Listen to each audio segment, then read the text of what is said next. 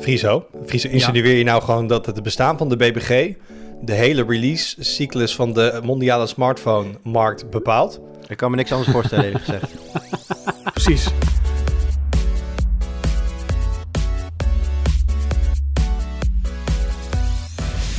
Hoi, leuk dat je luistert. Welkom bij een nieuwe aflevering van de Tweakers Podcast. Mijn naam is Wout en vandaag zit ik in de podcast met Jurian Nubachs, Goedemiddag. met Friso Weijers Hallo. En met Arnaud Wokke.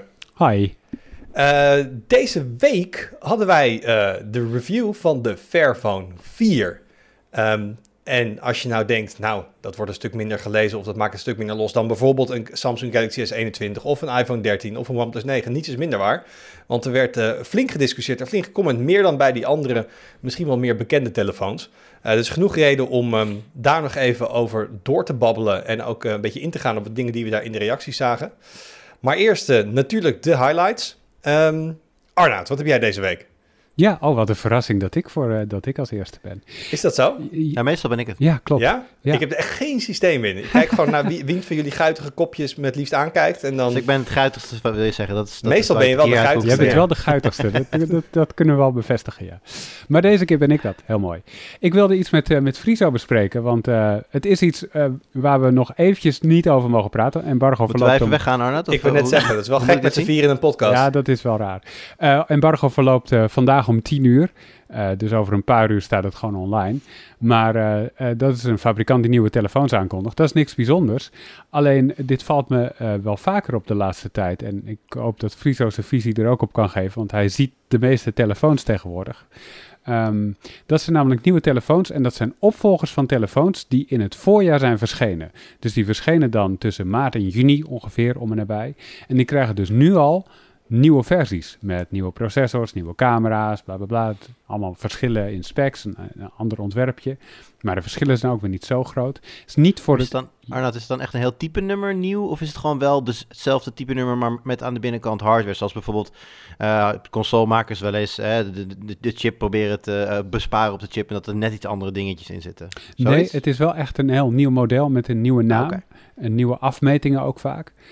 Um, en dat is niet voor het eerst dat ik dat zie. Ik bedoel, een grote fabrikant als Oppo, wereldwijd groot, op tweakers valt het wel mee. Die doet het ook al, volgens mij sinds vorig jaar of twee jaar geleden. Gewoon twee keer per jaar nieuwe telefoons uitbrengen in dezelfde serie. Samsung doet het af en toe met sommige modellen. Met de S-serie niet echt. Met de A-serie volgens mij wel. Dan is er een A51 en dan een 51S die een half jaar later komt. En ik wilde even aan Friso vragen, zie je dat ook? En waarom Waarom gebeurt dat eigenlijk? Nou, ik zie dat inderdaad bij Oppo. Ja, Oppo is wel de fabrikant die dat volgens mij het meeste doet. Dat, die hebben echt volgens mij om de drie maanden weer een nieuw, uh, nieuwe serie, ja. zo'n beetje. Ja, met Samsung, uh, die, die S die je noemt, uh, volgens mij is dat vooral, was dat vooral de A52S dit jaar. Mm -hmm. Ja, die is gewoon eigenlijk geïntroduceerd met een wat te trage sok, zou je kunnen zeggen. Dus toen hebben ze dat S-model uitgebracht om hem toch even iets meer pit te geven, iets meer, ja, beter concurrerend te maken in dat, in dat drukke segment waar die, waar die mee speelt. Um, dus ja, zie je dat vaker? Ja, ik denk het wel. En... Arnoud, deed, ik, ik, ik, deed Sony dit vroeger ook niet? Ja. Staat me ergens bij. Dat ja. die ook razendsnel uh, nieuwe dingen achter elkaar uitbrengen. Ja, ik kan me zo maar voorstellen. Ik bedoel, deze bedrijven hebben allemaal goede um, uh, uh, marketingafdelingen. Ze hebben ook goede salesafdelingen. Ze houden bij wat verkoopt. Kijk, misschien dat het wel zo is dat ze gewoon de eerste drie maanden een enorme piek in verkopen zien bij een nieuw model. En dat het daarna helemaal crasht. En dan ergo denken ze, hé, hey, wacht eens eventjes. Dus ze moeten eigenlijk gewoon vaker nieuwe modellen uitbrengen. Kijk, je had twee dingen. Of je kan zeggen, het moet langer doorlopen en moet er meer marketing tegenaan gooien om te zorgen dat het na vier maanden ook nog verkoopt. Maar misschien is het makkelijker om vaker dan echt een marktintroductie te doen. Uh, en op die manier dan van dat, ja, dat nieuwe moment mee te kunnen uh, liften eigenlijk. Ja, ik denk ook dat het nou, daaraan ligt. Ja, en dat het idee is ook, Friso, misschien dat mensen gewoon een nieuwe telefoon willen. Dus niet een telefoon die vorig jaar is geïntroduceerd, maar echt iets nieuws. Denk je dat dat ook uh, meespeelt? Ja, het is, het is misschien wel iets wat natuurlijk werkt in de omgeving waar wij ook in meespelen. Natuurlijk de, ja, de media-omgeving. Hè. Ze krijgen wel weer een nieuw bericht natuurlijk met, oh, geweldig, nieuwe telefoons aangekondigd. Um, en daarnaast ook specifiek in het format van de BBG wat wij altijd aanhouden. Want wij uh, hebben eigenlijk een vast format waarin we zeggen van... telefoons die ouder zijn dan een jaar, die, uh, die doen niet meer mee. Ja. Friso, Friso insinueer ja. je nou gewoon dat het bestaan van de BBG... de hele release-cyclus van de mondiale smartphone-markt bepaalt. Zo, zo, belangrijk zijn we al. Ik kan me niks anders uh, voorstellen, eerlijk gezegd. Precies. Hmm. Zo grote streakers al. Nee, want daar ben ik het ook mee eens. Het is ongelooflijk. Maar ik vind, het, ik, vind het, ik vind het raar. Ik vind alles raar. Ik vind alles raar wat ik hier, hier hoor. Uh, om, om meerdere redenen. In de eerste plaats, Arnaud Friso, we, we, we constateren met elkaar al langer dat we uh, van release op release momenteel steeds minder grote stappen zien. De, de, de, de, tijd dat, dat je jaar op jaar echt hele grote stappen in de smartphone, hardware, software, maakt niet uit, dat, dat ligt achter ons. En daarnaast weten we ook, of zien we, eigen waarneming, ik weet niet of daar ook statistieken voor zijn, dat mensen langer met een telefoon. Volgens mij heb ja. jij daar ook nog eens een, een achtergrondartikel over geschreven. Zeker, Arna, en dat is waar. Niet zo heel lang geleden, dacht ik. Dus um, die twee dingen in je achterhoofd houdend, slaat het dus helemaal nergens op om elk half jaar een nieuw model in de winkel te leggen.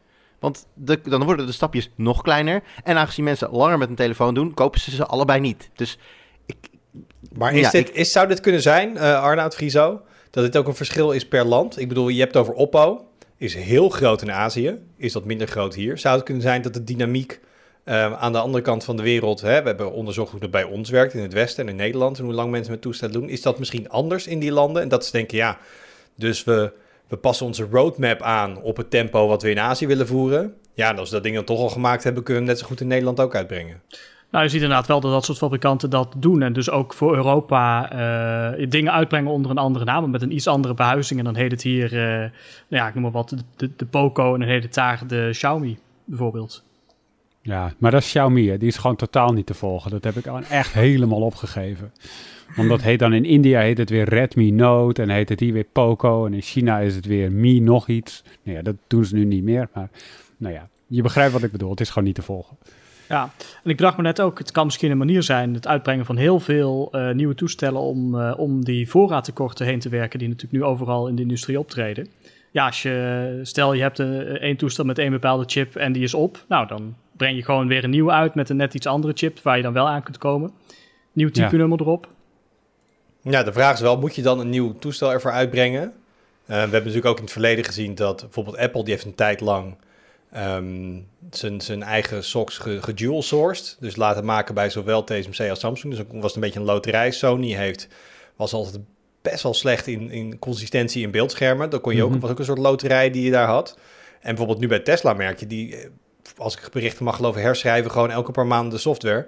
Want er is weer een nieuwe batch van een ander soort chip binnengekomen. En daar doen ze het allemaal een beetje zonder dat je het type nummer verandert. Maar doen ze het allemaal eigenlijk gewoon onder de motorkap. Ja. Um, dus ik denk het, het, het dit aangrijpen om een nieuwe telefoon ervan te maken, is denk ik echt wel een, een ja, dat zou niet hoeven. Je kan het ook zonder doen, zeg maar. Ja, om er maar eens een klassieker bij te halen, Wout, want jij kan diep in je geheugen graven, kan ik ook. HTC Desire. Desire. ik wou net zeggen. Uit 2010. Die kwam uit met een OLED, maar toen had Samsung zijn OLED's nodig voor zijn eigen Galaxy S-telefoon. En toen ineens werd het een LCD na drie of vier maanden. Toen hebben ze ook geen nieuwe telefoon uitgebracht. Toen hebben ze gewoon dat ding, zijn ze Desire blijven noemen. En dan had je gewoon dat twee kan versies. echt, nou, toch even terugdenken, dat kan echt niet. Nee, dat, dat is zo'n wezenlijk... Maar ik moet zeggen, kijk, toen waren de OLED's ook um, wezenlijk slechter dan goede LCD's, ook nog wel soms. Uh, dus misschien de mensen dachten, nou ja, wat, hoe erg is het? Maar als je moet je voorstellen dat jij een, uh, de nieuwste LG uh, high-end tv koopt. En dan ja, sorry, de komende drie maanden is een LCD in plaats van een OLED geworden. Dat kan ja. toch niet? Nee, kan je nu niet meer voorstellen. Maar ik denk dat inderdaad dat, dat, dat, dat Friso gelijk heeft. En dat dit dus allemaal nieuwe telefoons worden. En als je ook de specsheets naast elkaar legt. En voor dat bericht van vanochtend heb ik dat gedaan. Dan zie je ook dat er heel veel dingen wel overeenkomen. Dat je denkt van, oh ja, die, die camera-sensor, volgens mij is dat gewoon dezelfde in, in drie of vier van die modellen. En hetzelfde als in, het, als in de voorgaande modellen. Dus dan gebruiken ze die onderdelen gewoon opnieuw. Alleen dan hebben ze een nieuwe, nieuwe behuizing eromheen en wat nieuwe dingen. Soms is het ook downgrades, wat ze, wat ze doorvoeren, gek genoeg. Dan is de processor iets minder snel of uh, is het nou, maar dat kan dus ook te maken hebben wat, wat Friso zegt met die tekorten. Dus ja, ja. je moet als je, weet je, beggars can be choosers.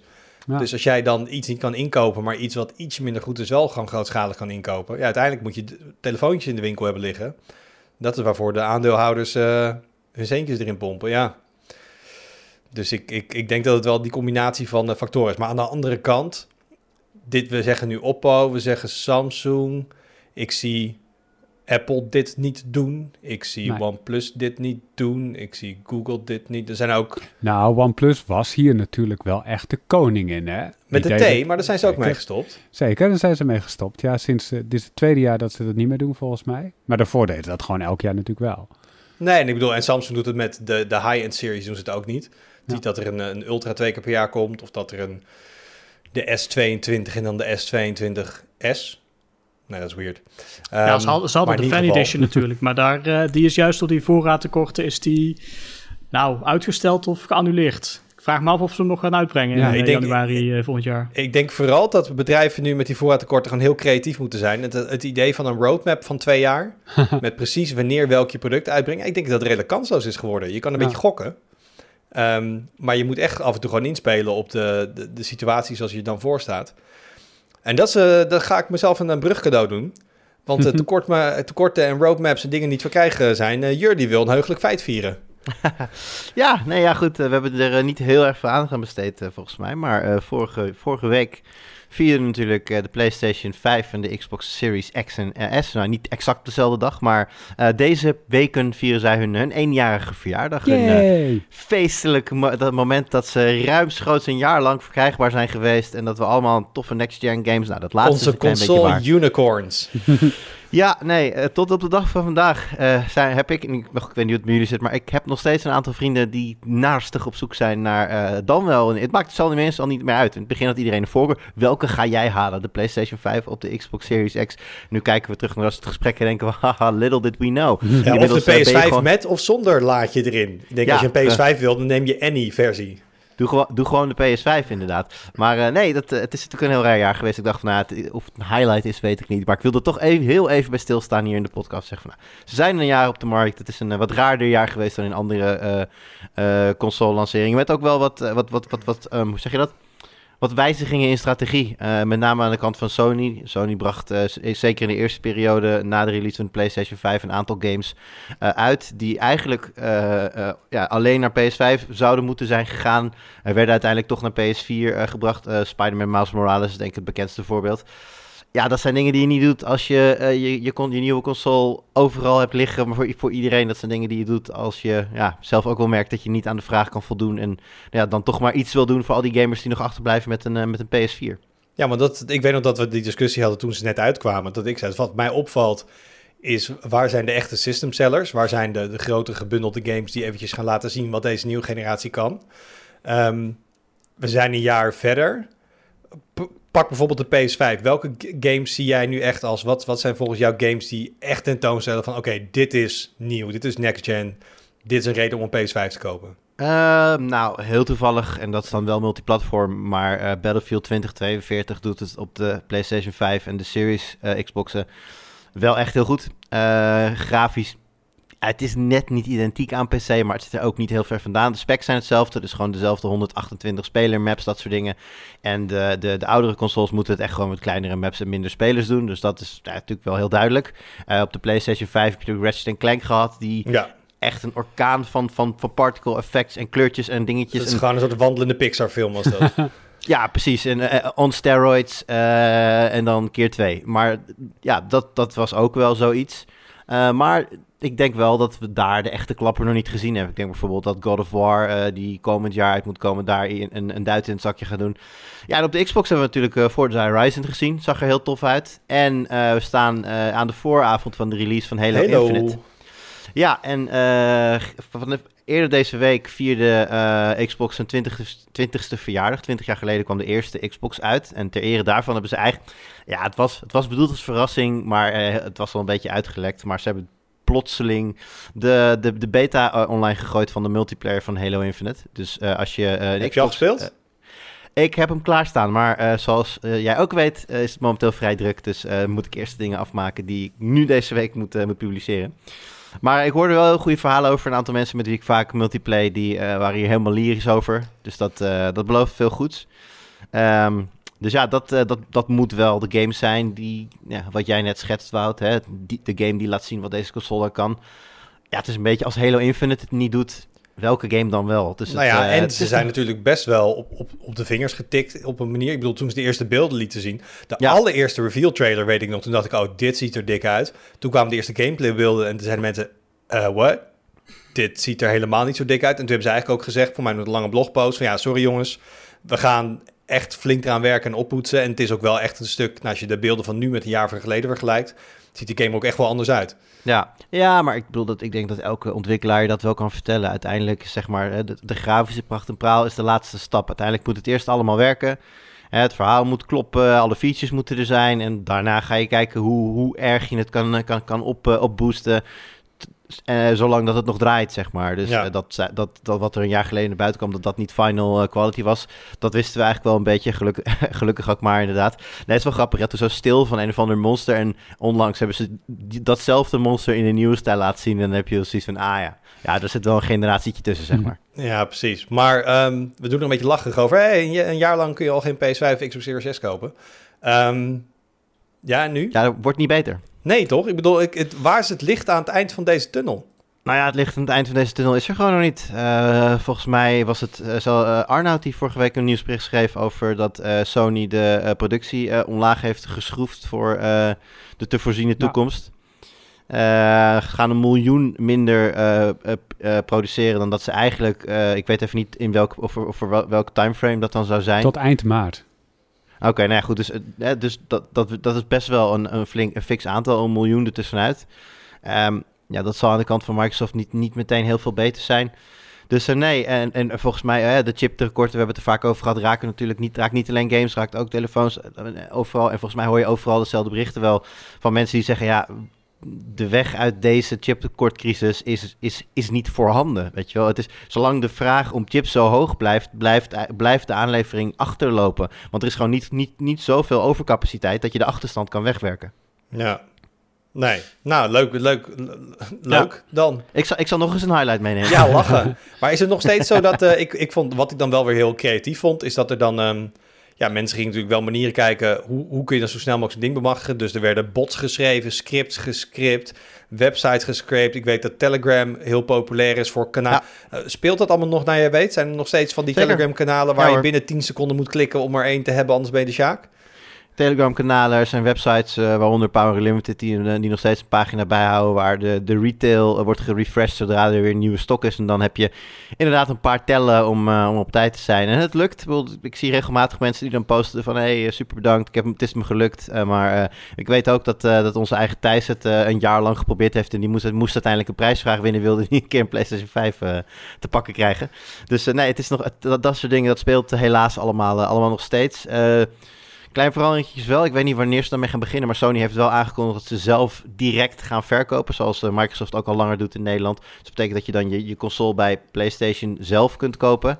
Um, ja, ik heb geen idee hoe hun uh, voorraad is. Maar ik zou denken dat ze zichzelf wel blijven voorzien van voorraad. Dus, ja, maar dat gaat dus dat is dus voorraad die niet naar de retail dan gaat. Dus dan wordt het daar nog grapper als je het via ja, maar tegelijkertijd uh, heb ik niet het idee dat PlayStation dezelfde woekerdeals gaat voeren die andere retailers doen met nee, het het leuk van zijn als je hier die je niet een, wil hebben. Als je hier een PlayStation kan kopen zonder vier games, een koptelefoon, een paar sokken en een pet.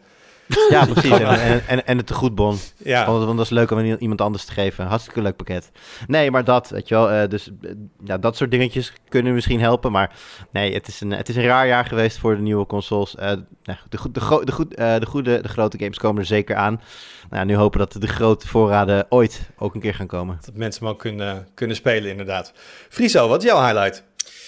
Nou, dat is de, iets wat van heel andere orde is. Een heel klein telefoontje, wat uh, volgens mij gisteren uh, voor het eerst werd uh, getoond. De Balmuda Phone. En die is, nou, Arnoud heeft hem ongetwijfeld gezien. Een heel klein telefoontje dus, uit Japan, uh, van Balmuda of Balmuda. Uh, die is eigenlijk bekend van zijn, uh, van zijn speciale broodrooster. dat is het, ja, dat is het. Oh, wacht, wacht, voordat we over de telefoon gaan. Wat, wat is er speciaal aan de broodrooster van Balmuda? Nou, ik heb dat ook wel eens een keer gezien. dus Techmoon is een van mijn favoriete YouTubers. Die heeft er een heel mooi filmpje van gemaakt. dat is een soort broodrooster en die werkt, dan moet je er, moet je er een heel klein hoeveelheid water in doen. En dan gaat hij het brood ook deels stomen en roosteren. Volgens mij was het dat. En dat, dat, dat zou dan heel speciaal moeten zijn. Dan moet je brood heel fluffy worden. Maar goed, hij concludeerde eigenlijk dat je net zo goed uh, ja, gewoon een normale broodrooster kunt kopen. Want het verschil was nou niet van die orde. En het is natuurlijk ook heel duur, hè, zoiets. Het kost... Uh, en dan moet je het natuurlijk ook uit Japan importeren. is nog extra duur. Maar ook in Japan zal het goedkoper zijn om gewoon een, uh, een broodrooster van de lokale Action te kopen, zeg maar. Hm. Ja, moet je heel erg van Toast Oké, okay, dus Balmuda staat 1-0 achter en die gaat nu een telefoon maken. Ja, dus ook weer een, een, een klein toestelletje wat zich eigenlijk uh, vooral op grond van zijn design moet onderscheiden. Dus ja, A, Want heel even klein, ik zag hem ook voorbij komen, dit is 4,9 inch, toch? Diagonaal. Ja, ja 4,9 inch. Nou, dan moet ik wel zeggen, dat is nog wel een opmerking die ik bij het kleine zo meteen wil plaatsen. Maar even over het, over het design dus. Het is een beetje een soort ja, kiezelvormig ontwerp. Dus hij is wel dik, maar ook wel klein. Dus een klein schermpje zit erin. Uh, ze hebben ook een speciale interface gemaakt. Uh, of uh, in ieder geval een speciale skin voor Android. Zoals het er allemaal, allemaal wat mooier uitziet. Wat ja, bijzonderder, zeg maar. maar ja, dan de afmetingen. Want ik dacht, nou, kleine telefoon, leuk. ik ben wel fan van die kleine telefoons. Ik heb ook een iPhone 12 mini zelf. Maar goed, hij is dus gewoon een stuk breder nog dan die, dan die kleine iPhone. En hij weegt ook ongeveer hetzelfde. Dus ik dacht, het is echt een heel klein ding, maar dat valt dus wel mee. Nou, neem die afmeting even door, Friso. Ik ben heel benieuwd. Nou, uh, even kijken. Ik heb Voor de mensen die echt helemaal uh, op, opgewonden raken van millimeters van smartphones, hold ja, on to nou, horses, want daar gaan we. Ik, ik, ben goed gaan zitten hoor. nu, nu, nu komt hij hoor. Uh, 123 bij 69 bij 13,7. Oh, dus die, de 123, hij is een stuk korter, maar 69, hij is dus wel een stukje breder, want die iPhone is 64. Eh, ja, 123, als ik het even uit mijn hoofd doe, is ongeveer de lengte van een iPhone 5. Uh, dus ja, echt zo 10 jaar oud ongeveer. Dan die breedte, dat is wel, nou ja, iets, iets ondergemiddeld. Ik denk het iPhone 12 Pro is breder dan dat, als ik het wel hm. heb. Of een 13 Pro. Hij is ongeveer zo breed als de kleinste Android-toestellen. Dus voor de duidelijkheid, het is wel echt een klein ding, maar het is niet echt, echt, echt klein, zeg maar. Maar het, het, is een klein ding. Hij ziet er uh, anders uit. Heeft dat ding voor de rest, behalve zegt ik ben klein en anders, heeft hij nog een soort redeeming qualities? Is het een, een, een, zit er goede hardware in? Zit er een goede camera in? Of is het ook gewoon een mm. goedkoop ding? Nou, nee. Het is ook wel vrij duur. Ja, het is hetzelfde als die bal met de toaster natuurlijk. Dus het is design en het is duur eigenlijk. En waarschijnlijk ook alleen in Japan. En je moet er dus water bij doen. Uh, en je moet er water bij doen. En dan kan brood roosteren, ook dat nog. nu maar denk ik dat je het serieus meent, maar dit meende je niet, of wel? Nee, nee, nee, nee. Dat, uh, dat kan dus allemaal niet. Uh, nee, ja, qua hardware redelijk standaard. Snapdragon 765, uh, 6 gigabyte RAM. Enkele 48 megapixel camera. Dat is nog wel bijzonder in deze tijd dat er overal uh, zes camera's op worden geklopt. Bijna. Maar wat, wat, wat, wat is het bestaansrecht van het ding? Wat zegt de Balmuda? Waarom hebben ze überhaupt als broodroosterfabrikant gedacht... de wereld mist iets en dat is deze telefoon? Zeggen ze daar überhaupt wat over? Oeh, dat is een goede vraag. Ik zou eens even moeten kijken wat ze daar precies over zeggen. Ik heb alleen de nieuwsberichten voorbij zien komen van... Uh, dit, is, dit is het nieuwe telefoontje, maar... Uh, nou, misschien zit er iets achter wat wij niet... Uh, wat wij niet doorgronden en dat ze een, een gouden zet nu doen hier. Maar op basis van inderdaad de afbeelding die ik gezien heb en de, de, de gegevens die erover bekend zijn, mm, meh. Ik, ik denk gewoon hetzelfde. Ja, voor mensen die een, iets bijzonders willen of die echt dat design aspect heel belangrijk vinden. Ja, kijk, je hebt ook wel andere van dat soort bijzondere toestellen die dan uh, in een kleine oplage worden. Het zal ook wel een kleine oplage natuurlijk zijn. En, en uh, ja, voor mensen die gewoon echt iets bijzonders willen en die niet zoveel geven om die pure specs en wat voor camera's er allemaal in zitten en zo. En dan nog een belangrijke vraag, Friso. Is hij fluffy? Fluffy? Nou, nee, ja. niet. Volgens mij is hij gewoon, uh, heeft hij gewoon een harde, harde shell. Gemiste kans. Ja. Gemiste kans. fluffy phone. Ja. Wat, wat mis ik? Waarom, waarom zou die fluffy moeten zijn? Omdat ze een brood zo proberen te roosteren dat het brood fluffy is. Oh, ik denk dat, past mooi in het thema van dat bedrijf dan. Ja. ja. Maar nee. heb je meteen je reclame tie in. Want als ze dan bij Pixar weer nieuwe Monsters Inc. maken, was het die film niet, dat de main character, het kleine meisje, ook keer zei: It's so fluffy. nou, misschien kunnen ze nog een fluffy case uitbrengen. Hmm. Dan heb je, uh, heb je marketingcampagne. Zie volgens, mij is dat, volgens mij was dat Despicable Me, Wout. Maar dat, uh, is zo fluffy Despicable Me? Volgens mij is dat meisje uit Despicable Me, maar ik kan ernaast zitten. Er is een tie-in te maken hier, want er was ooit een character die zei, it's so fluffy. Um, maar uh, ja, dat wordt natuurlijk, je laat nu alles vallen, Fries, en we gaan reviewen, toch? Importeren die app en... nee, nou, denk ik niet. Ja, Despicable Me, ha. Ja, wel, toch, software ik ben wel serieus benieuwd. Maar nee, ik denk dat we het voorlopig eventjes bij de toestellen houden die hier wel gewoon uh, verkrijgbaar zijn. Hey, misschien als we, ehm, als het allemaal doorgaat en zo, uh, als we op CES zijn, misschien staat Balmuda wel op de CES. Dan kunnen we misschien even bij oh de stand langslopen om uh, de Balmoedafoon en meteen de broodrooster te bekijken. Ehm, ik heb twee dingen deze week. Ik heb een soort boekentip die geen boekentip is. Want ik ben pas op een tiende. En dan vind ik dat je nog niet een boek kan aanprijzen. Ehm, dus ik zeg alleen, ik ben begonnen in het nieuwe boek van uh, Neil Stevenson. Dat is een science fiction uh, schrijver. Dat is de man die ooit het woord metaverse bedacht. Mhm. Ehm, en die een paar hele klassieke cijferboeken heeft geschreven. Die heeft een nieuw boek geschreven, dat heet Termination Shock. Ehm, en dat gaat over, of speelt zich af in ieder geval in een wereld die heel erg aangetast en veranderd is door, uh, door climate change. Maar ik, ik, nou, ik wil dus niks spoilen. Ehm, maar als Nederlander is het een heel grappig boek om te lezen. Omdat Nederland en Nederlandse personages daar een grote rol in spelen. Uh, maar het is een Amerikaanse schrijver. Dus vaak krijg je dan uh, een character Joe. En die komt dan uit Amerika en dat soort dingen. Maar nu zit er een Willem in en een Saskia en dat soort dingen. En er zitten heel veel referenties in. Hij heeft heel goed zijn research gedaan. Ik ga niet zeggen precies wat, wat dan de link met Nederland is. Maar dat vond ik al grappig, dat van zo'n grote schrijver... dat je denkt, oh, wacht eventjes. Hier zit gewoon een heel groot deel Nederlandse geschiedenis in verwerkt. En het gaat natuurlijk ook over hè, de deltawerken en weet ik niet wat. En wij moeten ook tegen het water vechten. Dus... Um, ik ben, ik ben pas uh, eh, 10% erin, dus of ik achteraf denk, het is echt een aanrader, weet ik niet. Maar als je nu al denkt van, nou, het is Neil Stevenson en leuk, er is een Nederlands haakje. Uh, en ik zoek nog een boek om te lezen. Uh, tot nu toe vind ik het leuk. Maar als ik hem uitgelezen ben, dan kom ik wel hierop terug om te kijken of ik gelijk had. Maar, heeft die ehm, schrijver ook zelf een, een bepaalde connectie met Nederland dan, Wout? Voor zover ik weet niet. Want dit is ook de, ik, ik heb toen ik andere boeken van hem gelezen heb, ook wel een beetje over hem gelezen. en ik heb nooit die, die link daarin verder gezien of zo. Uh, dus ik denk gewoon dat hij dacht, oh, het gaat over climate change, het gaat over rising sea levels. Oh, wacht eens even, dat doen ze in Nederland wel mee. Misschien moet ik een karakter daarop baseren. Uh, klinkt ook wel logisch. Dus, uh, dus, dus dat is één. Uh, als ik, ik heb wel tijd genoeg uit, denk ik, voor de Tweakers Gift Guide. Als hij leuk is, dan zal ik hem daar als suggestie zal ik hem daar opvoeren. Um, ja, en hier zei het net al eventjes. PlayStation 5 is niet te krijgen. en dan ben ik sowieso tegenwoordig een oude man, dus ik loop een beetje achter de feiten aan. Dus ik heb sinds een week heb ik een PlayStation 4 staan. Wel de Pro, natuurlijk. Um, uh, ik, uh, mijn, uh, mijn vrouw is even uit, buiten de deur voor een paar weken. Dus ik heb redelijk veel vrije tijd. Ik dacht, oh, er zijn er nou van die games waarvan ik jaren al zeg dat ik ze nog moet spelen. Zoals The Last of Us, zoals Uncharted en al die, eigenlijk die system sellers die de PS4 had. Dus ik ben daar nu een beetje doorheen aan het werken. En hier, echt, The Last of Us. Wat een game. Ja, ik weet dat heel veel mensen nu denken, welcome to the party. Maar ik moest het toch even zeggen. Ik, ik heb dat de afgelopen avonden zitten spelen.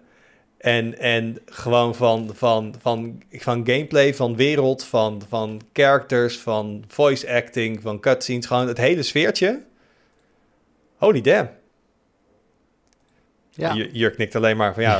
De... ja, het is, uh, kijk, de review van deze game heb ik op. Uh, kijk, oh nee, dat was een preview. 9, nou, 9 juni 2013 verscheen ja, Deze game komt uit. Ik speel wel de remastered versie op de Pro. Dus het ziet er wel ietsje beter uit dan toen. Maar inderdaad. Nee, was wel de review. Is de review trouwens. Juni, juni 2013. En dat is misschien helemaal knap dat we acht jaar later zijn. En dat je niet echt het idee hebt, als, nogmaals, hij is remastered, maar gewoon in de basis voelt het niet aan als, oh, ik ben echt een hele oude retro game aan het spelen of zo. Het is echt... Uh, nou, Vond je de gevechten tegen het einde wat repetitief worden, heel toevallig? Oh, ik ben er nog helemaal niet, uh, ik heb er denk ik... Oh, je bent er nog niet uit? Oh, ik, heb, ik heb er drie avonden in zitten. dus um, ik, misschien gaat dat gebeuren. Nu weet ik al dat ik dus moet gaan oppassen over... ik zat even de review te bekijken. Nou, dat was jouw minpunt. ja, dat was het enige minpunt. Maar uh, dus dat, was gewoon even puur persoonlijke noot. En toen ging wel een beetje uh, verder lezen over, over die game. Dus ik heb part 2 ook nog liggen. Dus het is echt... Ik heb allemaal leuke dingen in het vooruitzicht. Maar toen wist ik... je hebt eerst een uitbreiding hè, die je dan moet spelen. Of zit hij, daar, zit hij al in de remaster? Dat zou best Moet ik even kijken. Dat zal ik checken. Je hebt de Left Behind, Left Behind DLC had je destijds. Moet je even checken of die er al bij zit of dat je die er even los moet, moet, moet doen. Right. Maar toen zag ik dat hier dus een tv-serie van komt... Sterker oh, nog, die wordt op dit moment gefilmd. Daar zijn ze deze zomer mee bezig. Nou, tv-series of films van games is altijd een beetje... Hè, dat kan zomaar alle kanten op gaan. Vaak niet zo'n goede kant op. Maar, ah, The Witcher was leuk. Wat zeg je? Uh, The, Witcher was leuk. The Witcher, die schijnt, die heb ik dan niet gezien, maar het schijnt wel goed te zijn. En ze hebben ook wederom, toen ze net zoals dat ze voor The Witcher uh, Henry Cavill gestrikt hadden, hebben ze hier gewoon uh, Mando. Ze hebben Pedro Pascal als, als Joel. En volgens mij, het meisje dat Ellie speelt, die heeft ook in Game of Thrones gezeten. Uh, ik las dingen over een budget van 200 miljoen per seizoen. Zo. Uh, ideeën voor acht seizoenen. Um, dus volgens mij proberen ze hier gewoon echt de nieuwe Walking Dead eigenlijk te maken qua, qua franchise. Ja, wat ik heel cool vind, uh, Neil Druckmann, dat is de, de, de, ja, een beetje de geestelijke vader van de hele franchise, hè, de, de, de, de studiobaas, zeg maar, die, uh, of creative director moet ik zeggen, die, uh, die plaatst op zijn socials ook heel veel dingen vanaf de set over de, over de serie.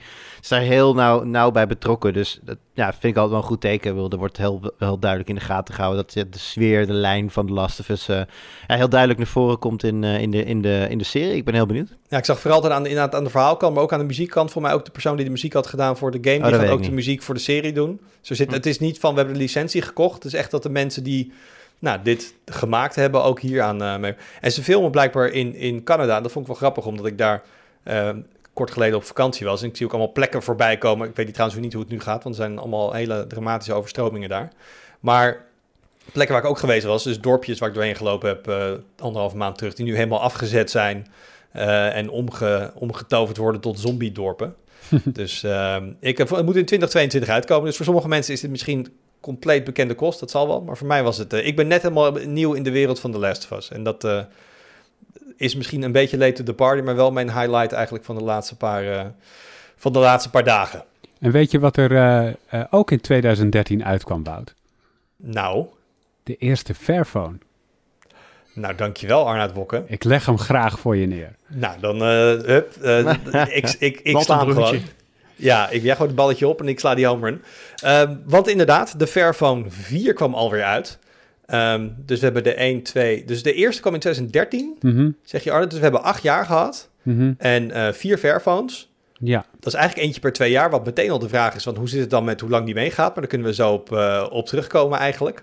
Want zou je eigenlijk niet in acht jaar maar één Fairphone uitgebracht moeten hebben. Maar dat, dat is discussie voor zometeen.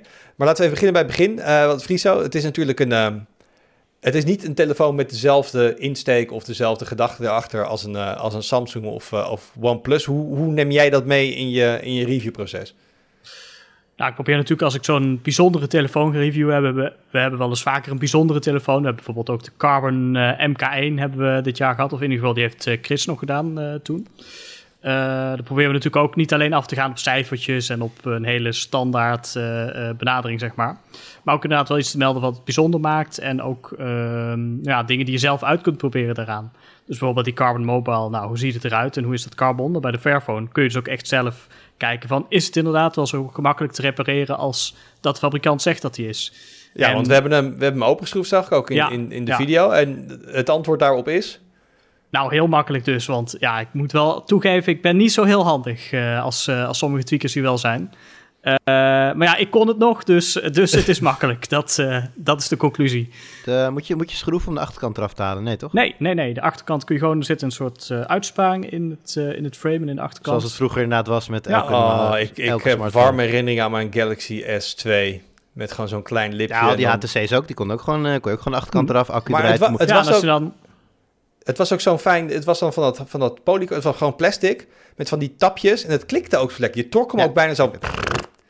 en dat vastklikken is maar gewoon net losmaken en vastmaken van de achterkant. was gewoon een soort, en als je dat heel dicht bij je hoofd deed, was je op ASMR. Dat, dat klonk en voelde gewoon lekker. Nou, dat moet ik misschien nog eens proberen. Maar het is inderdaad wel, uh, ja, het, is inderdaad een, uh, het gaat heel fijn los. Ik bedoel, ik was, uh, ik dacht even van, nou, zoals ze niet te strak hebben gedaan, dat je echt heel erg moet gaan, gaan pulken en gaan wrikken en dat je nagels helemaal eraan gaan, zeg maar. gaan, ja. Kapot gaan. Maar dat is, dat, daar is echt geen sprake van. Het gaat er heel makkelijk af. En uh, nou, als je dan binnen bent, dan zie je inderdaad hetzelfde als wat je bij je klassieke HTC of Samsung zag. Zo'n accu die je er gewoon zo hup, uit kunt halen. En weer een, meteen een nieuwe in kunt steken. Zonder schroef, of zonder lijm of zonder... Gewoon eruit halen en weer een nieuwe erin doen. Wat ja, ik heel grappig vind is... Dat, wat ik heel grappig vind, Fries, als je hem openmaakt, dat er dus op de achterkant van die... Volgens mij staat dan de accu. Waar dat dan op staat, yours to open, uh, yours to keep. Met uh, gewoon heel duidelijk van, het is, het is in principe gewoon de bedoeling dat je hem openmaakt, hm. weet je wel. Dus, Absoluut. Ik vind dat wel een... En ze hebben ook uh, met, met kleurcoding hebben ze wat, wat um, onderdelen van elkaar proberen te, te scheiden, zodat het heel duidelijk is wat wat is. Als je, als je dan dingen moet gaan vervangen, dat je dat eigenlijk heel snel, heel makkelijk kan, kan doen. Dus ik vind dat, ik vind dat goed doordacht allemaal. Nou, het staat ook hm. heel erg haaks op ook wat we uh, waar we het laatst over hadden, dat met, met iPhones bijvoorbeeld, dat er allemaal componenten aan elkaar gekoppeld zijn. Wil je het ene vervangen, moet je het andere vervangen. Um, ik bedoel, dit, als alle telefoons zoals de Fairphone waren, dan had iFixit geen werk meer. Nou, de Fairphone 4 specifiek, Wout. Want uh, bij de Fairphone 3 en eerder had je, moest je ook nog steeds het hele uh, onderdeel... Als je zeg maar onder wilde vervangen, moest je alles onder vervangen. Kwam ook omdat er toen nog een, een, een headphone jack in zat. Nu kun je wel los de USB-C connector kun je los vervangen... en de, de speaker beneden kun je los vervangen. Dat was voor de Fairphone 4 nog niet zo. Dus daar ontwikkelen ze echt wel stappen in gemaakt. Ja. Maar het is ook best wel een, een... Vanuit repairability is het juist... Dat is ook hartstikke mooi. Het is best wel een saai telefoon. Want altijd de vraag bij moderne hardware is... hoe moeilijk is het? Is het heel erg moeilijk, een klein beetje moeilijk of gewoon moeilijk. Maar het is altijd ergens een gradatie van moeilijk. Met, met feuns en met zuignappen en met spudgers. Ontmoedigingsbeleid. Dat is toch gewoon ontmoedigingsbeleid. Daar kunnen we toch simpel over zijn. Ja. ja ze, wil, ze willen niet dat je dat doet. Ze willen dat je hem later repareren door hen zelf voor heel veel geld. Of als je nog garantie hebt, heb je mazzel. Of gewoon een nieuwe telefoon kopen. Ja. Nou, ik denk dat het deels dat dat zeker waar is. Ik denk wel dat dingen als... Als je iets waterdicht wil maken, dan is het allermakkelijkst door er gewoon lekker veel lijm tussen te rammen. Uh, en het niet allemaal te, gewoon ja, dicht te lijmen eigenlijk. Dat maakt het wel makkelijker, denk ik. En even eerlijk, je koopt een ver van 4 denk ik niet voor het design. Uh, als jij inderdaad iets wilt doen met heel veel glas en metaal en allemaal hele mooi gemaakte onderdelen en zo, dan wordt het ook weer lastig om het gewoon wel losklikbaar te maken, zoals met, met plastic. Dus, en ik denk dat die bedrijven het echt niet erg vinden dat het ook meteen betekent dat je voor je reparaties bij hun terecht moet. Um, en dat het minder makkelijk te repareren is. Dat dat mes snijdt denk ik aan aan twee kanten. Um, maar Friso, wat, wat, wat oké, dus um, hij is hier gewoon makkelijk open te maken. Maar voor de rest, de crux, hè, het idee van de Fairphone is altijd, uh, het gaat over uh, de keten zo goed mogelijk in kaart brengen en zorgen dat alle onderdelen die gebruikt worden zo ver mogelijk zijn. Dus zowel duurzaam, maar ook hè, dat de mensen die eraan meewerken uh, normaal betaald worden, dat soort dingen. Dat is denk ik nog steeds hetzelfde als bij de, de vorige drie. Of zijn, zijn er ook veranderingen in of zijn ze daar verder in gegaan? Ze zeggen inderdaad dat ze er verder in zijn gegaan. Uh, dat ze uh, nou ja, nog meer eh, materialen duurzaam hebben gemaakt. En ook dat ze nu voor iedere telefoon die ze dus verkopen weer een ander toestel recyclen. Of in ieder geval een gelijke hoeveelheid e-waste. Zodat het dus een afvalneutrale telefoon is. Dat zeggen ze zelf over tenminste. Maar dat is natuurlijk voor ons wel het lastige. Kijk, volgens mij Arnoud, je hebt daar een heel mooi antwoord op gegeven op iemand in GR die daar vragen over stelde het is natuurlijk voor ons als, als, als kleine redactie heel moeilijk, of nou, eigenlijk gewoon ondoenlijk om zo'n productieketen die bestaat uit honderden en honderden uh, verschillende stappen, om die helemaal na te pluizen. Ja, dat, dus klopt is, inderdaad. Het is ook, ja. Verval maakt het redelijk inzichtelijk, of best wel goed inzichtelijk eigenlijk. Maar als we zo'nzelfde uh, weging zouden willen doen bij een gemiddelde midrange Xiaomi-telefoon, ja, waar komt de tin vandaan op dat PCB? En waar hebben zij uh, de, de, alle, er zitten ongeveer 150 onderdelen in een telefoon, zeg ik even uit mijn hoofd. 150 soorten materialen ook om erbij. Um, en waar dat allemaal vandaan komt, ja, dat komt van leverancier A en B, die uh, op zich weer handel drijven met uh, die mijn of die mijn of die mijn of die mijn. Dus er lopen allemaal lijnen, die, die heb je gewoon niet allemaal in kaart. Dat weten ze zelf ook, volgens mij haast niet bij elke nou, Dat is ook de reden dat Fairphone uh, zelf, nou, niet, niet, niet met eigen handen, maar met partijen samenwerkt die zelf bij die mijnen zitten en dan proberen inderdaad om een groene operatie op te zetten. Ja. Want uh, door al die lijnen, Arnoud, ik weet niet helemaal, ik kan het niet helemaal goed uitleggen, maar het komt er bijna op neer dat zolang een van de partijen in die lijnen maar dat vinkje heeft, hè, die, dat, dat certificaat van dat alles goed gebeurt bij zijn, je werkt met hen samen, dan mag je dat certificaat bijna één op één overnemen. Maar het betekent dan niks. Dat, hè, dat, dus, dus Vervan heeft er zelf voor gekozen om juist niet die, die lijnen te volgen en, en gewoon klakkeloos die vinkjes te zetten, maar zelf allemaal dat soort dingen op te zetten. Omdat dat de enige manier, ook voor zo'n maker zelf. Want zij kunnen met een partner, zij kunnen inderdaad wel aan een partner vragen, nou doe ons zoveel van dit of zoveel van dat. Maar anders dan hun woord heb je ook niet dat het zeg maar allemaal echt groen en, en, en, en fair is. Tenzij het inderdaad zelf gaat doen met, met partners uh, daar uh, lokaal. En dat doen zij. Ja, inderdaad. Ja. Maar dat maakt het ook lastig, Friso, denk ik, om iets als prijs-prestatieverhouding te wegen voor zo'n Fairphone 4. aan de ene kant zie je natuurlijk gewoon dat zo'n Fairphone duurder is als je het vergelijkt met telefoons van andere merken die ongeveer dezelfde soort uh, uh, specificaties hebben. Maar aan de andere kant weet je ook dus dat ze uh, veel meer doen om te zorgen dat die hele keten in orde is. Om, om, dat ze die initiatieven allemaal nemen. En ze zijn klein, dus al hun onderdelen zijn ook gewoon duurder. Dat speelt sowieso mm -hmm. mee. Hoe, hoe weeg je dat? Ja, zeker. Ja, dat is dus, dat is dus lastiger bij zo'n zo'n zo'n kleine telefoon inderdaad, die ook dus heel veel dingen extra doet die, die normale telefoons niet doen. En dat is ook... Um, nou, ik denk niet iets waarom je zo'n telefoon natuurlijk meteen moet, moet neerstapelen, zeg maar. Zeker niet. Ehm, kijk, het is ook bij zo'n bijzondere telefoon als zo'n Fairphone is het bij ons, voor ons wel nuttig om te beginnen vanuit de testresultaten die we hebben verzameld. Dan kun je tenminste wel zien uh, uh, hè, waar verschilt nou zo'n Fairphone van een normale telefoon. Ja, wat, wat geef je op eigenlijk voor dat bedrag? Um, ja, dan, dan, dan is het uiteindelijk wel aan het lezer om te zeggen van, nou ja, ik, ik, ik vind dit onvoldoende of, of, of ik vind het wel voldoende uh, voor dit bedrag. Uh, in combinatie dus met die duurzame eigenschappen die zo'n toestel heeft. Ja, maar ik, denk dat... Ja, ja, wat. Oh. nee, ik denk dat iedereen daar een, een, eigen brilletje voor heeft. Kijk, je kunt voor jezelf af... hè, de een eet geen vlees, de ander eet wel vlees... en heeft daar bepaalde bedenkingen bij. Uh, ja, dat zal hier ook zo zijn. De ene heeft meer bedenkingen bij duurzaamheid, bij het milieu... bij uh, eerlijk aan je grondstoffen komen dan een ander. Uh, en dat maakt de, de Fairphone dan waardevoller of niet. Uh, ik denk dat je dat ook in je review prima uitgelegd hebt. En ik, nou, ik begrijp heel goed als mensen zeggen van... Jongens, ik ben het helemaal eens met de boodschap... en ik vind de missie die uh, Fairphone heeft prima. Maar als ik 650 euro moet neerleggen voor een telefoon... en ik krijg er een, een mid-range uh, sok voor... en uh, goed, de, de, andere dingen die gewoon ondermaat zijn... ja, dat, datzelfde kan ik krijgen voor, voor, voor 300 euro... Of voor 650 kan ik gewoon een betere telefoon krijgen. Dat, dat, dat is zo, dat staat buiten kijf.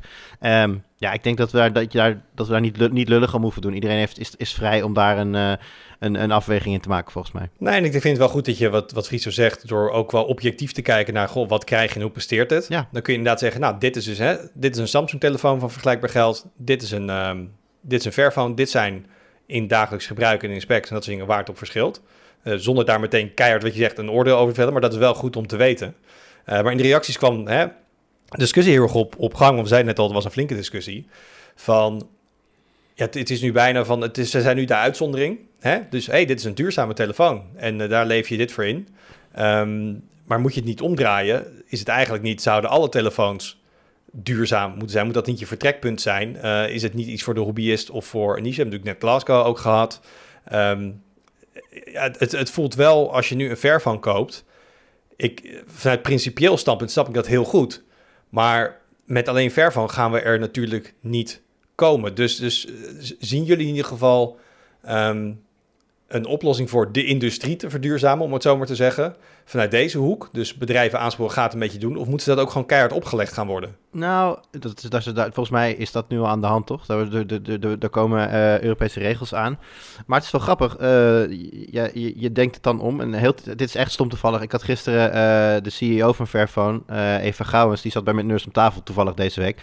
Dus, wij, dus ik heb hier, haar, hier ook naar gevraagd. Zo van, hoe vind je het nou dat inderdaad reviews bijvoorbeeld zeggen van ja, maar het is maar een midrange telefoon. En zij zei, ik zou het niet anders willen. Want wat, wat, wat zij zeggen is, hè, Fair, Fairphone 1 was een conceptidee, nog lang niet goed genoeg, ver van 2, et cetera.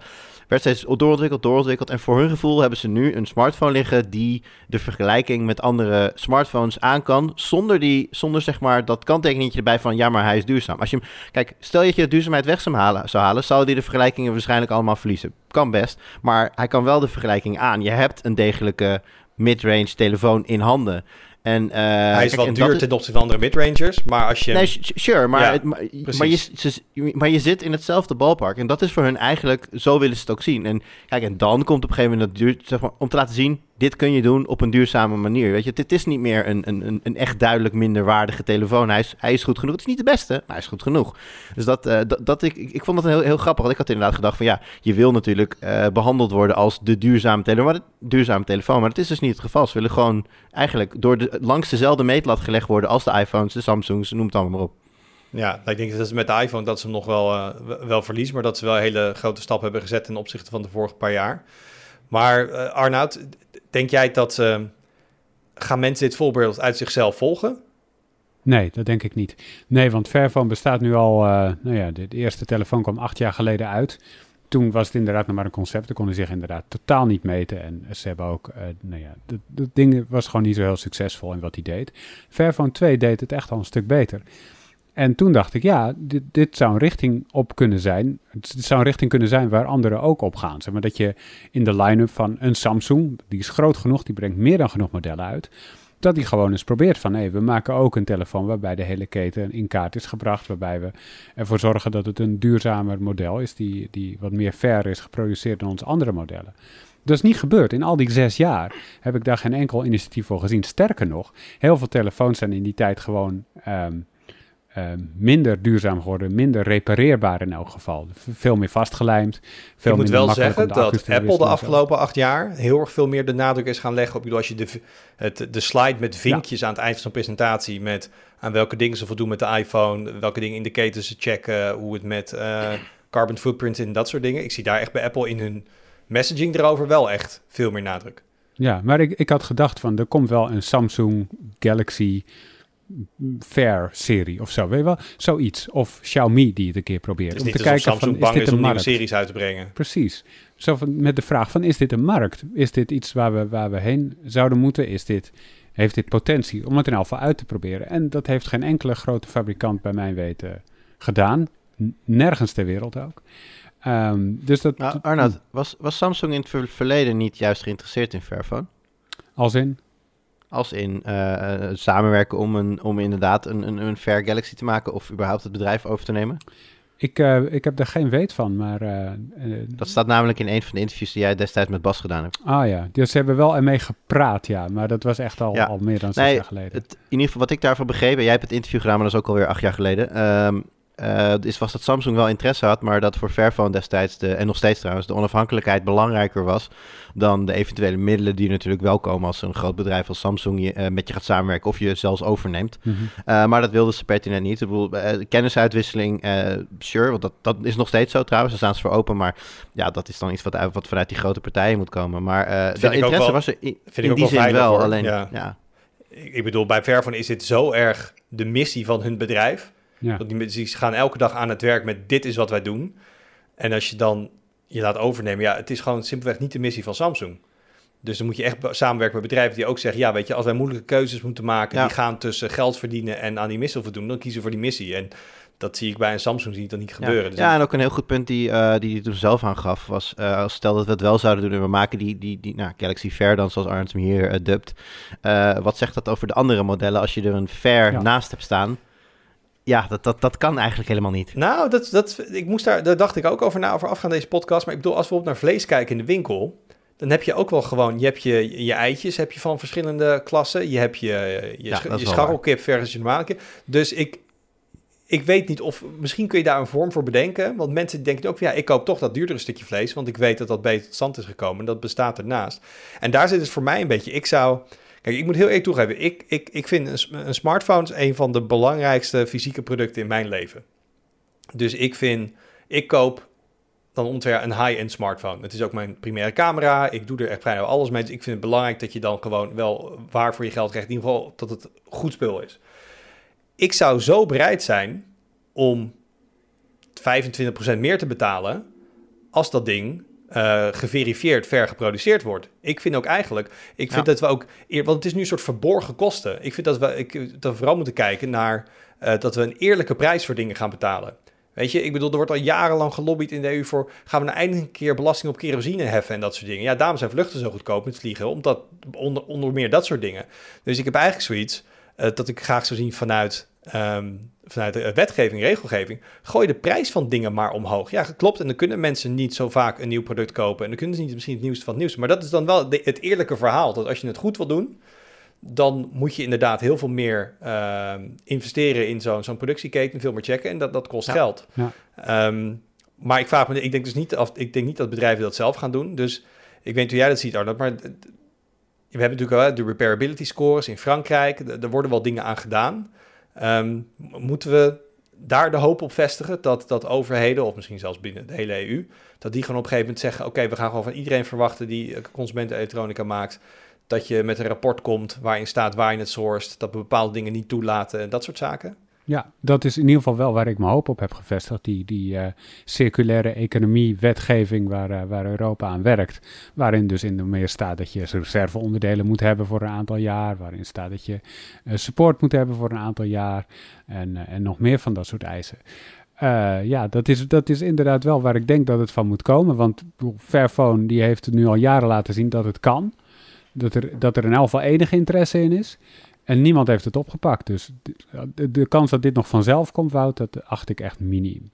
Ja, want Friso, ik bedoel, vind jij het... De Fairphone is voor een, een niche op dit moment. Ehm, begrijp je dat? Vind jij het raar? Ehm, eh, zouden meer mensen de Fairphone moeten overwegen? Uh, zouden meer mensen de Fairphone moeten overwegen? Nou ja, kijk, als je, dit, als je dit wil, ja, maar kijk, als je gewoon een telefoon wil, ik denk dat heel veel mensen toch gewoon zeggen van, hè, wat je net al zei, voor 300 euro koop ik hetzelfde wat niet duurzaam is, of voor 600 euro koop ik een betere telefoon. Ja, ik denk dat dat toch te aanlokkelijk is, zeg maar, om, om, om van Fairphone echt een breed en groot succes te maken. Nu is dat volgens mij ook niet waar Fairphone zich natuurlijk echt op richt. Ze richten zich meer op bewustwording en laten zien van, kijk, het kan wel. Dus inderdaad, ik denk ja, precies wat Arnoud zegt. Uh, dit moet gewoon vanuit de overheid geregeld worden. Dit moet gewoon verplicht worden voor alle merken, uh, tot op zekere hoogte. Uh, Want wij mensen zijn natuurlijk ook maar heel zwak. Even heel eerlijk hoor. Maar ik bedoel, we kunnen natuurlijk zeggen, van mensen moeten betere keuzes maken. Hm. Maar kijk naar vliegen versus met de trein gaan. Ja, ja, ja dat, dat wilde ik net zeggen. Kijk, ja, we, we gaan ook altijd, of we gingen altijd uh, naar de IFA in Berlijn. Nou ja, je kunt met de trein naar Berlijn uh, volgens mij. Maar dan ben je zes uur onderweg en dan kost het ik weet het niet eens, 300 euro. Misschien wel meer dan met, uh, dan met het vliegtuig. Ja, meer, meer, dan, meer dan met het vliegtuig en je bent uh, drie keer zo lang onderweg. Dus die, die, dat extreme verschil, dat is gewoon een te groot verschil. Dan kies je gewoon voor het vliegtuig. Ja, logisch. Ik moet wel zeggen dat de laatste jaren dat daar dus al tweedeling over was binnen de redactie. En dat de laatste paar keer met IFA, dat de helft van de mensen met de trein ging. Uh, en de helft met het vliegtuig. Dus, en ik denk dat hm. zes uurtjes naar Berlijn, oké. Okay. Uh, maar als het inderdaad gaat over um, uh, langere reizen binnen Europa. Als jij zegt, ik ga op vakantie naar Zuid-Italië of zo. En ik kan vliegen of ik kan met de trein. Ja, ik, ik, ik denk, ik ben het er wel mee eens. En het, ik, het, het zou kunnen klinken alsof je daar een beetje de schuld bij je, bij, als persoon bij je wegschuift. En dat bedoel ik niet. Maar als je echt tegen mensen zegt, jullie moeten uh, zelf bepalen dat je meer gaat betalen. Of je moet zelf ervoor kiezen dat je voor hetzelfde geld een minder kwalitatief product krijgt. Ja, ik denk echt dat het dan die, die incentive is er bij mensen. Bij veel mensen wel trouwens. Dat zie je ook in de reactie. Mensen die echt zeggen, ja, maar ik koop inderdaad nooit nieuw. Ik koop altijd tweedehands. Um, en daar heb ik alleen maar enorm veel respect voor. En ik probeer ook op allerlei manieren mijn eigen steentje bij te dragen. Maar ik denk dat het wel heel... Ja, het zit niet echt, denk ik, als totale mensheid in ons... om dit vanuit onszelf te gaan doen. Um, en daar hoop ik dus wel dat... Uh, ja, dat, dat je merkt gewoon een, een verschuivende trend. Je merkt een een, een, opwellende vraag richting overheden van ga hier ook gewoon mee aan de slag en ga meer belasting heffen op dit soort dingen en bunkerolie, vliegen, dat soort dingen allemaal. Um, dus het, het is voor de mensen die heel erg van de vrijheid, voor de, de, de, libertariërs zeg maar en zo, is het allemaal natuurlijk heel eng. Um, maar ja, uh, ik, ik ben wel voor wat meer restrictie. En dan maar als het, weet je, als mensen het zelf niet doen, dan moet het maar een beetje, beetje opgelegd worden. Maar Arna, we hadden het net al eventjes over hè, de, de, de Franse labels waar we het eerder over gehad hebben. Wanneer worden dat EU-labels of Nederlandse labels? Hebben we enig idee wanneer dit soort dingen... Ja, waar, waar, waar, hoe, hoe, loopt die trend? Die uh, Europese regelgeving is nooit heel snel, Wout. Dat, is, dat duurt altijd even. Um, maar ze zijn er wel mee bezig. De bedoeling is volgens mij om het volgend jaar te bespreken. Dan zou het al wet kunnen worden. En dan duurt het nog een paar jaar om dat te implementeren. Uh, bij 2024 zit je dus al super snel. Uh, dus ja, dit is niet iets van de korte adem, dit is wel iets van de, van de, van de iets langere adem. Maar mm, nou ja, het is in elk geval onderweg. De Europese trein is, uh, is, is gestart, die rolt. En ik hoop ook uh, dat hij niet meer stopt en dat hij ongeschonden bij zijn eindstation komt. Namelijk dat die, dat die regels er gewoon komen, zoals ze nu in de voorstellen staan. Ja, laatste vraag. Um, als ik naar de specsheet kijk van de Fairphone, zie ik daar gewoon een, voor mij een Qualcomm sok in zitten. Ik neem aan dat de camerasensor waarschijnlijk bij Sony vandaan komt. Of Omnivision of een andere bekende partij. De geheugenchips kennen we. We kennen al die fabrikanten. Dus het is niet alsof ze um, bij allemaal obscure fabrikanten hebben aangeklopt. Um, heb, hebben ze, naar dat wij weten, hebben zij dan een deal met Qualcomm van... hey, we willen dus wel als wij een chip jullie inkopen, dat jullie dat garanderen... Is het gewoon dezelfde chip eigenlijk, die ze bij Qualcomm inkopen? Is die, heeft die zeg maar het groene vinkje of doen ze daar nog iets mee? Weten we dat? Nou, ik niet in ieder geval. Misschien uh, weet jij dat, Arnoud? Want jij hebt wel eens vaak ook met uh, zelf gesproken. Ja, nee, uh, ze, ze zaten eerst bij Mediatek voor de eerste Fairphone. Dat was echt een noodgreep. Toen hadden ze een catalogus telefoon bij wijze van spreken samengesteld. Is niet zo goed bevallen. Zijn ze overgestapt op Qualcomm. Bij mijn weten doen ze daar niet iets aparts mee. Maar ze hebben natuurlijk wel uh, uh, gecheckt hoe bijvoorbeeld de arbeidsvoorwaarden zijn in de, in de, in de, fabrieken waar die gemaakt worden, et cetera, et cetera. Want ze willen wel dat dat op orde is volgens hun standaarden. Dus dat hebben ze dan wel Maar, want dan zou mijn vervolgvraag zijn, en ook eh, mensen van ver van als jullie luisteren, ga eens gewoon een keer voor die high-end telefoon.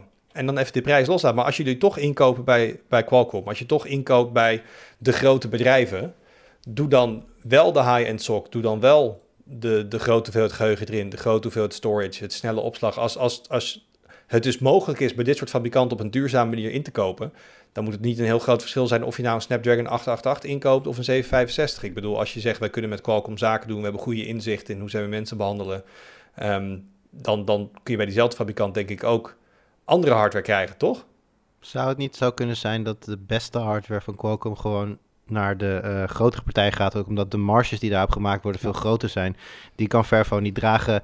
De wat oudere uh, socks die zijn natuurlijk wat minder, wat minder gewild, wat minder interessant voor, voor, voor Apple en Samsung en dat soort dingen. Zijn daardoor wat makkelijker op een wat lager tarief in te kopen. Dit is, ik, ik, ik, nee, de chiptekorten, chiptekort zullen ook niet helpen. Maar omdat ik heb net, nee, dat zeker niet. Omdat ik net zei, ik ben dus bereid om een kwart meer te betalen. Dus ik zou wel benieuwd, ik, wel, ik zou benieuwd zijn als zij dus als exercitie zou doen, we gaan een high-end telefoon maken met alles wat, er, wat erbij komt, maar wel op een duurzame manier.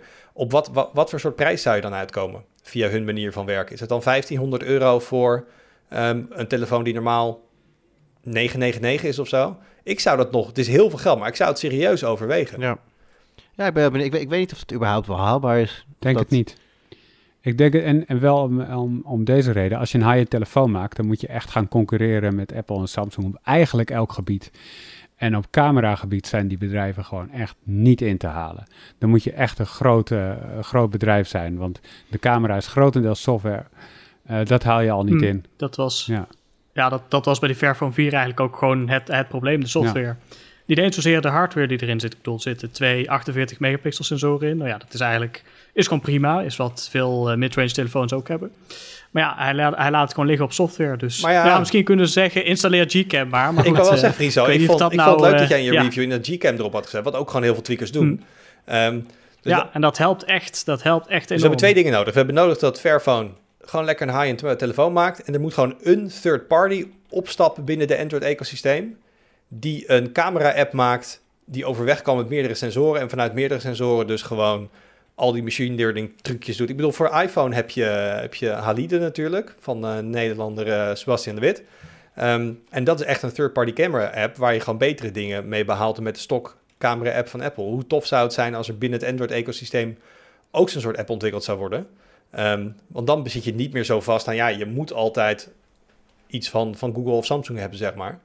Ehm, Ik zou juist willen pleiten, Wout, voor precies het omgekeerde.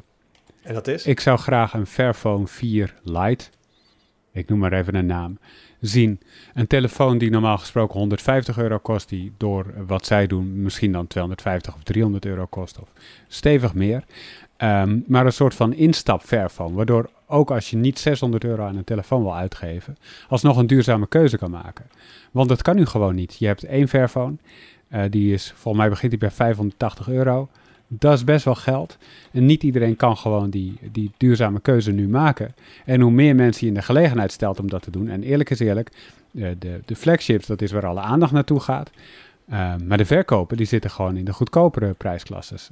Wereldwijd gezien is dat gewoon waar je, waar de massa haalt. De Galaxy A50-serie. Dat is waar Samsung gewoon het meeste van verkoopt, niet van de S21. Uh, dus ik denk als ze, als ze zich daarop zouden richten, dat het best wel zou kunnen werken. In elk geval, het zou het interessanter maken voor meer mensen, hoop ik. Eens. Ik- ik- Goed punt, ik- inderdaad. ik- ik- Ja. Nee, letterlijk. Dus ik bedoel, dat, wat ik zeg is denk ik leuk voor, eh, Voor de ons. meer rijke West, de, nee, voor de meer rijke westerse landen. Ja, Ehm, ja. Maar inderdaad, denk ik dat je meer impact maakt met eh, de, de drempel nog lager maken om voor, om voor duurzaamheid eh, te kunnen Nou, ik wil deze wel hebben eigenlijk. Ik zeg nog, ik zou hem al besteld hebben, waar het niet dat de spikkelversie 14 weken leeftijd heeft. En dat vind ik toch wel erg lang als je zeg maar vandaag besluit van dit is hem na een lange zoektocht, dat je dan ineens, oh ja, het duurt nog drie Het is maanden. een beetje als een keuken kopen, zeg maar. Hm? ja, of nieuwe een bank of een stoel, of letterlijk elke meubel ever die je kan bedenken momenteel. ja, inderdaad. Alright jongens, ik wil nog even kort eh, vooruitkijken naar wat er op de, de site gaat verschijnen. Ehm, eh, een van de, de grotere productreviews die eraan komt, is die van de MacBook Pro. Ehm, daar is niemand van ons mee bezig. Uh, daar is wel uh, collega Jelle druk mee bezig. Um, ik liep toevallig laatst even Tesla binnen toen, uh, toen Jelle daar met een van de Tesla jongens daar de schermtesten aan het doen was. Want zit natuurlijk dat mini-LED backlight in. En het kwam er een beetje op neer dat hij de, de, meter had. Hij was niet kapot, maar we hadden zeg maar moeite met dit scherm meten. Omdat het zo um, qua, qua, qua helderheid en ja, voor een LCD is het echt wel zonder te veel te spoilen, is het wel een hele grote stap omhoog dan wat we gewend zijn bij laptopschermen. Dus er moest even wat uh, creatief uh, naar gekeken worden om dat goed in kaart te brengen. Uh, dus die kan je binnenkort verwachten. En heel leuk, collega Julian is laatst afgereisd naar Helmond. Om Zo, daar naar het. Ja, een dik, dikke persstrip. helemaal de persstrip. Ja, dus wel met de trein, niet met het vliegtuig. Je kan uh, vliegen naar Eindhoven, dat kan. Ja, precies, dat had je kunnen doen. ik denk dat de trein in dit geval sneller is. Uh, had hij daar een interview met uh, tweaker Wizzy. die is met een heel tof project al jaren bezig. Het is daar een paar jaar geleden heeft hij in het heel klein een, een verzameling van oude computers, oude PC's. Die is het Home Computer Museum begonnen. En dat is de laatste jaren behoorlijk um, uitgegroeid. En daar staat tegenwoordig echt een heel tof museum met van allerlei oude dingen. Er worden oude dingen ge gerestaureerd daar. Er is een soort workshop waar mensen aan het werk zijn. Um, dus uh, dit weekend een leuk interview met, uh, met Wizzy op de site over, uh, over het Home Computer Museum. Dus ik zou er eigenlijk ook naartoe gaan dit weekend. Uh, want we zouden de Tweakers Abo-dag zouden daar houden. Maar uh, wegens begrijpelijke redenen gaat die eventjes niet door op dit moment. Mm -hmm. Dus uh, nou, ik vind het fijn dat dit als alternatief dit weekend online komt. Dan kan ik toch een, klein, een kleine blik naar binnen werpen daar. Alright, dan, dan rond ik hem hier af voor deze week. Dankjewel voor het luisteren. heb je feedback, dan kun je altijd even een comment achterlaten op de site onder de punt geek. Of je kan ons even mailen op podcast.tweakers.net. En tot volgende week. Doei!